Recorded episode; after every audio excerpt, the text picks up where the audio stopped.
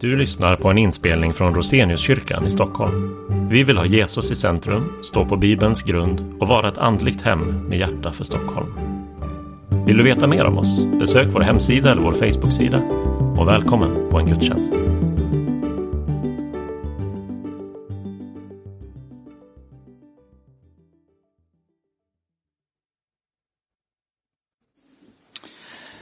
Jag tycker det är väldigt fint att ni avsätter en dag att tala om äktenskapet. Jag tänkte att uh, under gudstjänsten så tar vi del ett som handlar om bara ett bibelord som en av de viktigaste i hela bibeln när det gäller äktenskapet. Första Moseboken kapitel 2, vers 24. Därför ska en man lämna sin, sina föräldrar och hålla sig till sin hustru och de ska bli ett kött. Guds design för äktenskapet. Tre förutsättningar för en harmonisk relation. Vi ska titta på dessa tre och försöka um, uh, relatera det till en harmonisk relation, det som Gud har sagt. En man och underförstått en kvinna ska lämna sina föräldrar. Nyckelordet är separation. De ska lämna och på tre olika sätt. För det första, fysiskt eller geografiskt. Det vill säga, ehm, mannen och kvinnan lämnar sina föräldrars hem och ehm, ska etablera ett nytt hem. Man kan ställa frågan, varför är det så viktigt? Jag har jobbat med många parrelationer under åren och ehm, jag har sett ibland att det finns par som har haft problem och när man försöker upptäcka vad det är som är grunden till problemet, att det är ofta så att de har flyttat hem till mamma och pappa när de har gift sig. Och ibland har föräldrar en, en tendens att um, um, de vill bestämma. Att de vill um, uh, sig i relationen. Och bli en, um, en allians som är osund. Så att lämna eller geografiskt. Uh, innebär inte att en uh, person aldrig får bo hos sina föräldrar. Uh, som som det märks så kommer jag inte från Sverige. Jag kommer ursprungligen från USA tillsammans med min hustru. Och ibland har vi åkt tillbaka till USA. Och då har vi bott längre perioder hos våra föräldrar. Men det är um, underförstått att uh, de inte lägger sig i vårt äktenskapsförhållande. Den andra aspekten är ekonomisk. Det vill säga när vi går in i ett äktenskap så är vi ekonomiskt självständiga. Vi är inte beroende av våra föräldrars ekonomiskt stöd. Um, om det är så att uh, vi är beroende av dem så finns det en fara också igen att föräldrar har en tendens att um, lägga sig i. Och det har jag också sett i mina själavårdssamtal. Och igen vill jag säga att det innebär inte att vi aldrig får ta emot pengar från våra föräldrar. Men om vi gör det så, var det, så måste det vara klart både för oss och för dem är det en, ett lån och då ska vi betala tillbaka. Om det är en gåva, eh, då har vi frihet att använda den gåvan ehm, för de syftena som vi har tänkt. Men igen att, att det är klart och tydligt uh, att det finns ett, eh, en ekonomisk separation. Um, det kan vara väldigt tydligt både med fysiskt och ekonomiskt men när vi kommer till den tredje aspekten då är det inte uh, lika lätt. Och det handlar om känslomässig eller psykologisk separation. Um, det är väldigt lätt att vi flyttar hemifrån och vi är ekonomiskt fristående men ändå har vi inte lämnat känslomässigt. Ibland är det så att uh, det finns uh, barn som går in i äktenskapet men är ändå um, känslomässigt beroende av sina föräldrar. Vi kan ta ett par som har träffats och de har gift sig. Och um, uh, in i äktenskapet så har de kommit hem och de äter kvällsmat tillsammans. Och uh, mannen säger, mm, det är ganska god mat, men det är inte som min mammas. Um, det är ett tecken på att han inte har lämnat um, känslomässigt. Eller samma par. Uh, hon är en uh, kvinna som har vuxit upp i ett hem och när hon har haft ett problem så har hon alltid uh, kommit till pappa. Pappa är jätteduktig på att lösa alla problem i livet. Och nu har hon gått in i ett äktenskap. De har ett, uh, ett problem och hon uh, tänker, ah, pappa, jag, jag, jag ska till pappa. Pappa kan fixa detta. Och hon lämnar sin man utanför. Um, hon har inte lämnat. Hon är kvar uh, hos sina föräldrar. Ibland är det svårt för ett barn att lämna känslomässigt. Men det kan också vara svårt för föräldrar att släppa sina barn. Um, man tänker att oh, de är mina barn. Men det är viktigt att komma tillbaka till faktum att vi äger inte våra barn. Det är som. Men vi får dem ett antal år. Och det är en, en väldigt viktig sak när det gäller inställning. Äger vi våra barn eller har vi fått låna dem ett tag? Vi har ett, eh, ett huvudansvar när våra barn växer upp och det är att förbereda dem att bli vuxna. Att förbereda dem att flytta hemifrån. Vi ska inte alltid ha dem hemma. Uh, fast det finns föräldrar som, um, som tänker så. Och jag tänker det är väldigt tragiskt när det finns barn som bor hemma. De är 25 år eller 30 år, 35 år, 40 år, 45 år. Och enda anledningen till varför de bor hemma fortfarande är mamma och pappa släpper mig inte. De vill ha mig hemma. Uh, vi ska ha den inställningen att vi uppfostrar våra barn, vi förbereder dem att bli vuxna, vi ger dem en, en möjlighet att kunna ta ansvar för sina egna relationer. Och sen när det blir dags, oavsett vilken ålder det är, uh, de är när de är redo att flytta hemifrån så, så gör de det. När vi pratar om att uh, vi ska släppa våra barn och att, uh, att våra barn ska lämna så kan det finnas en viss um, spänning med en annan befallning i Bibeln som handlar om att vi ska hedra våra föräldrar.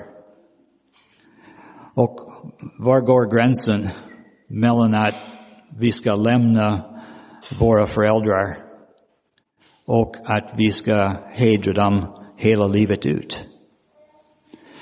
Eh, det är en, en bra fråga.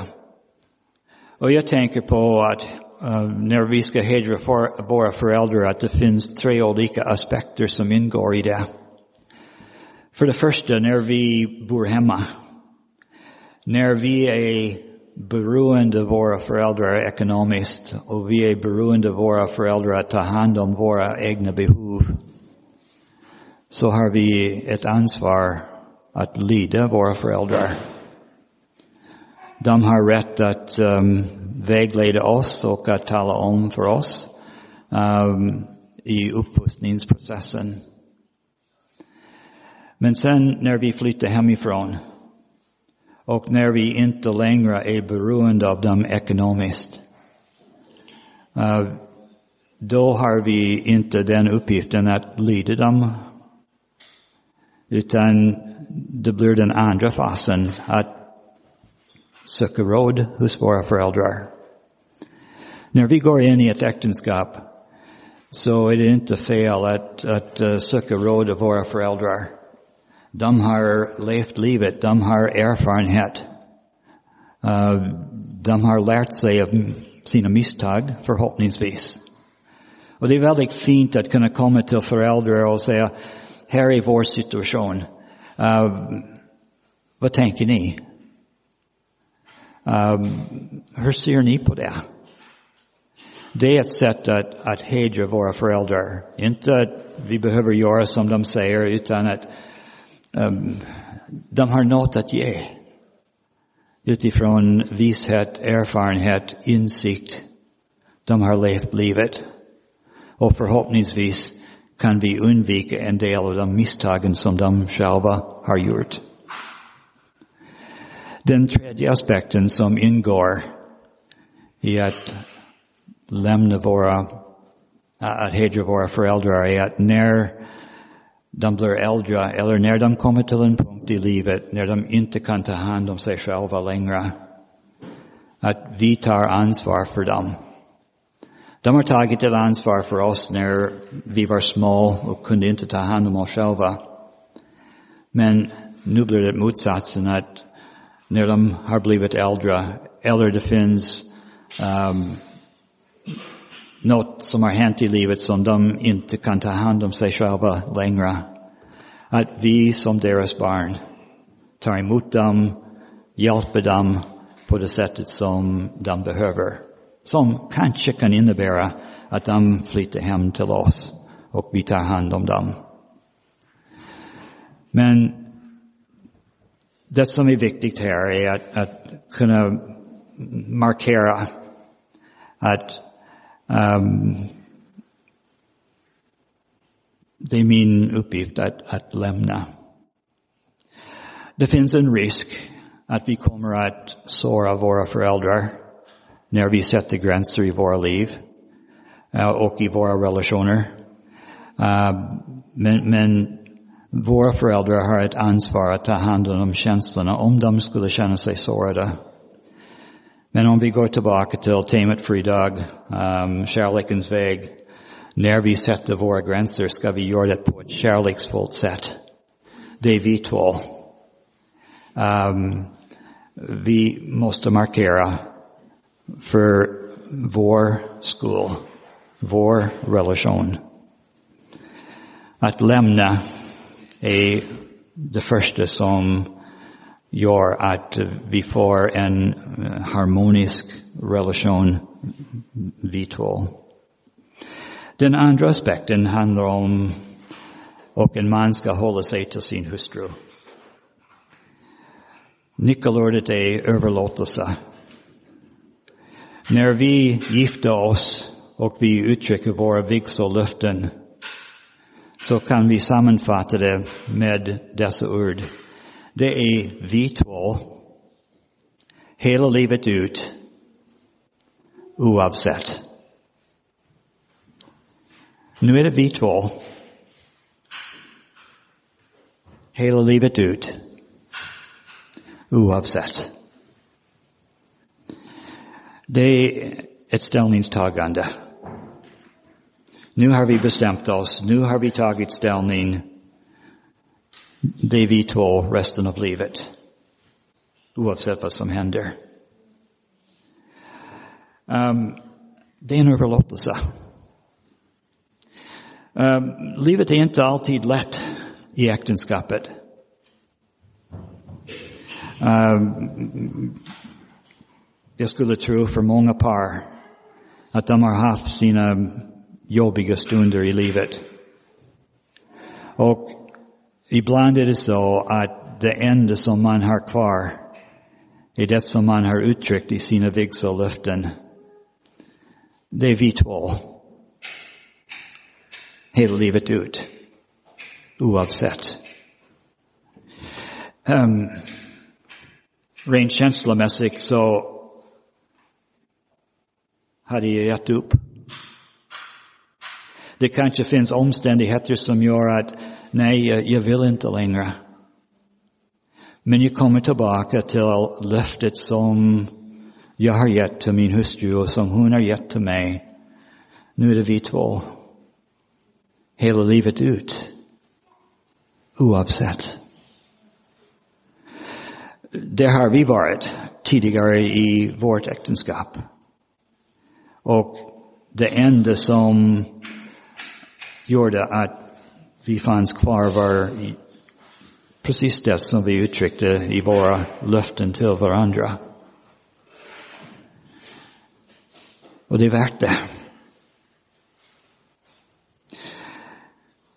Ibland så, um, så har vi par som går in i, i sambo-relationer. Och som ni vet, det är rätt vanligt här i Sverige. Och, och man kan ställa frågan varför ett samboförhållande istället för ett äktenskap? Och när jag funderar på den frågan så kommer jag ofta tillbaka till det kan handla om rädsla. En rädsla att överlåta åt en annan person. Det kan hända att vi växer upp i en familj och um, vi har märkt att mamma och pappa har det tufft, har haft det tufft. Det har funnits många konflikter, dålig stämning, kanske hotfulla ord de har uttryckt till varandra. Och en kille eller en tjej säger, aldrig i livet vill jag hamna i samma situation som min mamma eller min pappa. Eller man kanske har märkt att det har strulat i äktenskapsrelationer. Syskon, goda vänner, någon i släkten. Och, och man har tänkt, nej, jag vill ha en utväg. Jag vill inte bli instängd i ett förhållande som blir dåligt. Och man tänker, då är det bättre att jag går in i ett samboförhållande än ett äktenskap där det finns en stor risk att jag kommer att känna mig instängd och inlåst.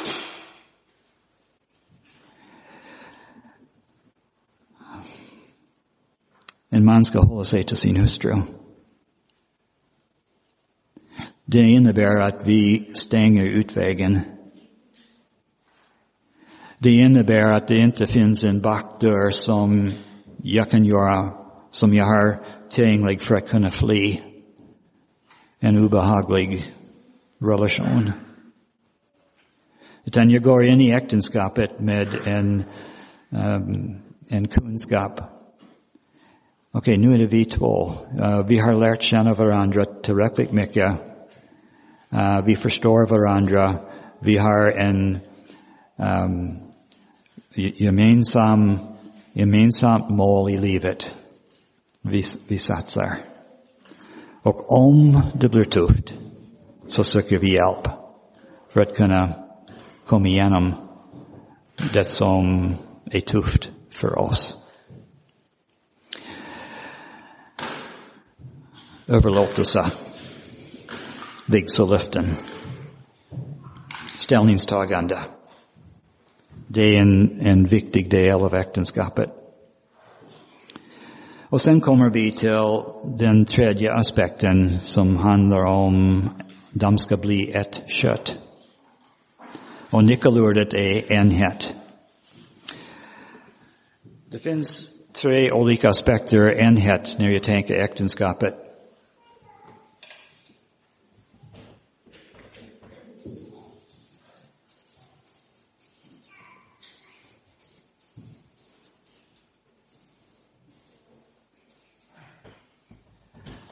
Andlig enhet handlar om min Guds relation. Att jag är helt beroende av Gud att tillfredsställa de djupaste längtan som jag har i mitt liv. Jag längtar djupast sett efter att vara älskad. Att vara värdefull. Att vara betydelsefull. Jag är helt beroende av Gud. Uh, att han är den som tillfredsställer den, den djupaste längtan som jag har i mitt liv.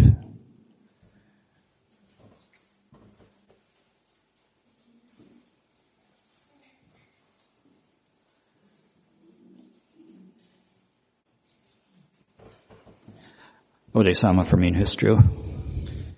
Vi är två personer som går in i äktenskapet helt beroende av Gud. För att han ska tillfredsställa den djupaste längtan.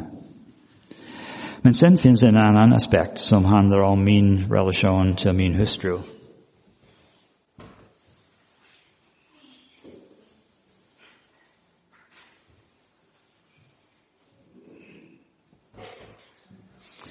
Frälslig enhet.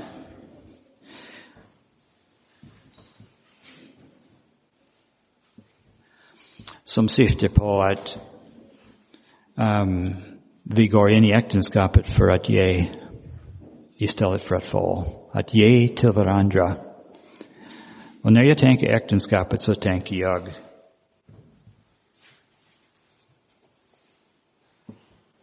hundra noll. Det vill säga, när jag går in i en äktenskapsrelation så är min inställning att jag ska ge hundra utan att förvänta mig någonting tillbaka. Och om det finns själslig enhet i vårt äktenskapsförhållande så har min hustru samma inställning, 100-0. Ibland tänker vi 50-50. Jag gör 50 procent och du gör 50 procent. Men sen kommer frågan, eh, du har inte gjort din 50 och, och det blir en spänning. Men om vi har den inställningen, det är hundra noll. Tänk två personer som har den inställningen, vi gör hundra utan att förvänta oss någonting tillbaka. Men det blir väldigt fel om den ena går in i äktenskapet med inställning 100 noll och den andra 2080 eller något sånt. Då, då blir det väldigt fel och väldigt osunt. Och därför är det så viktigt att vi har den 100-0 inställningen Och vi kan göra det på grund av att jag behöver inte gå in i äktenskapet för att få min hustrus kärlek. Varför det? Jag är redan älskad. Jag har en Gud som älskar mig så mycket. Um, fullständigt. Villkorslöst. Jag är älskad. Punkt slut.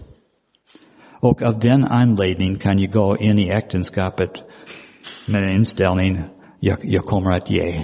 Jag kommer att tjäna dig. Jag kommer att uppmuntra dig. Jag kommer att stötta dig. Jag finns här för dig. Och tänk, två personer som har den inställningen, frälslig enhet. Vi er är tillsammans. Den tredje aspekten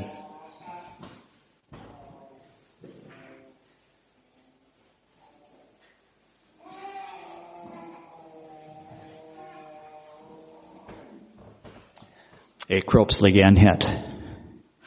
Det syftar på samlivet.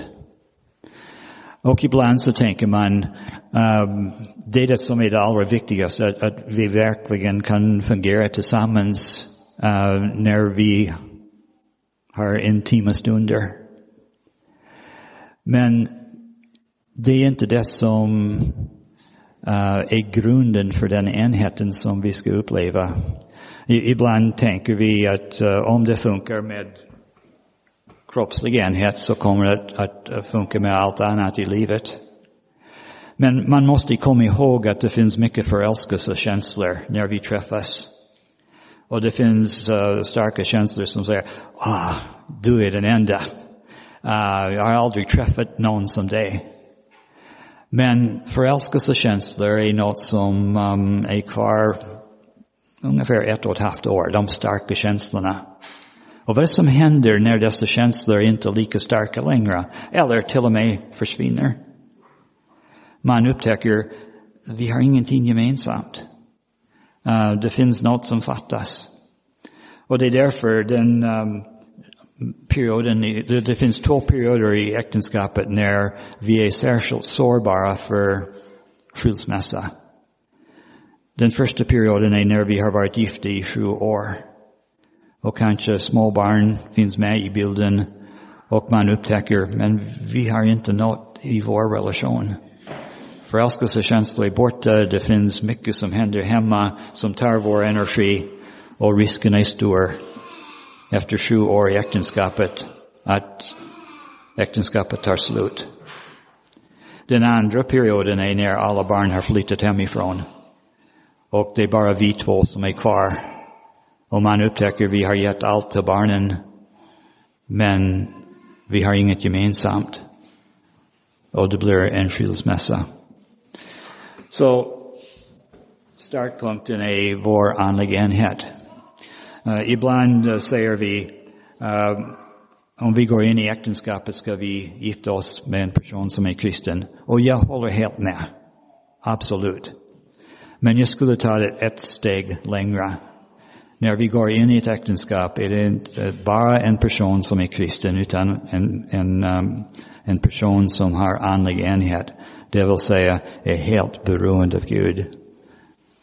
Att Gud älskar mig. Jag är värdefull i Gud.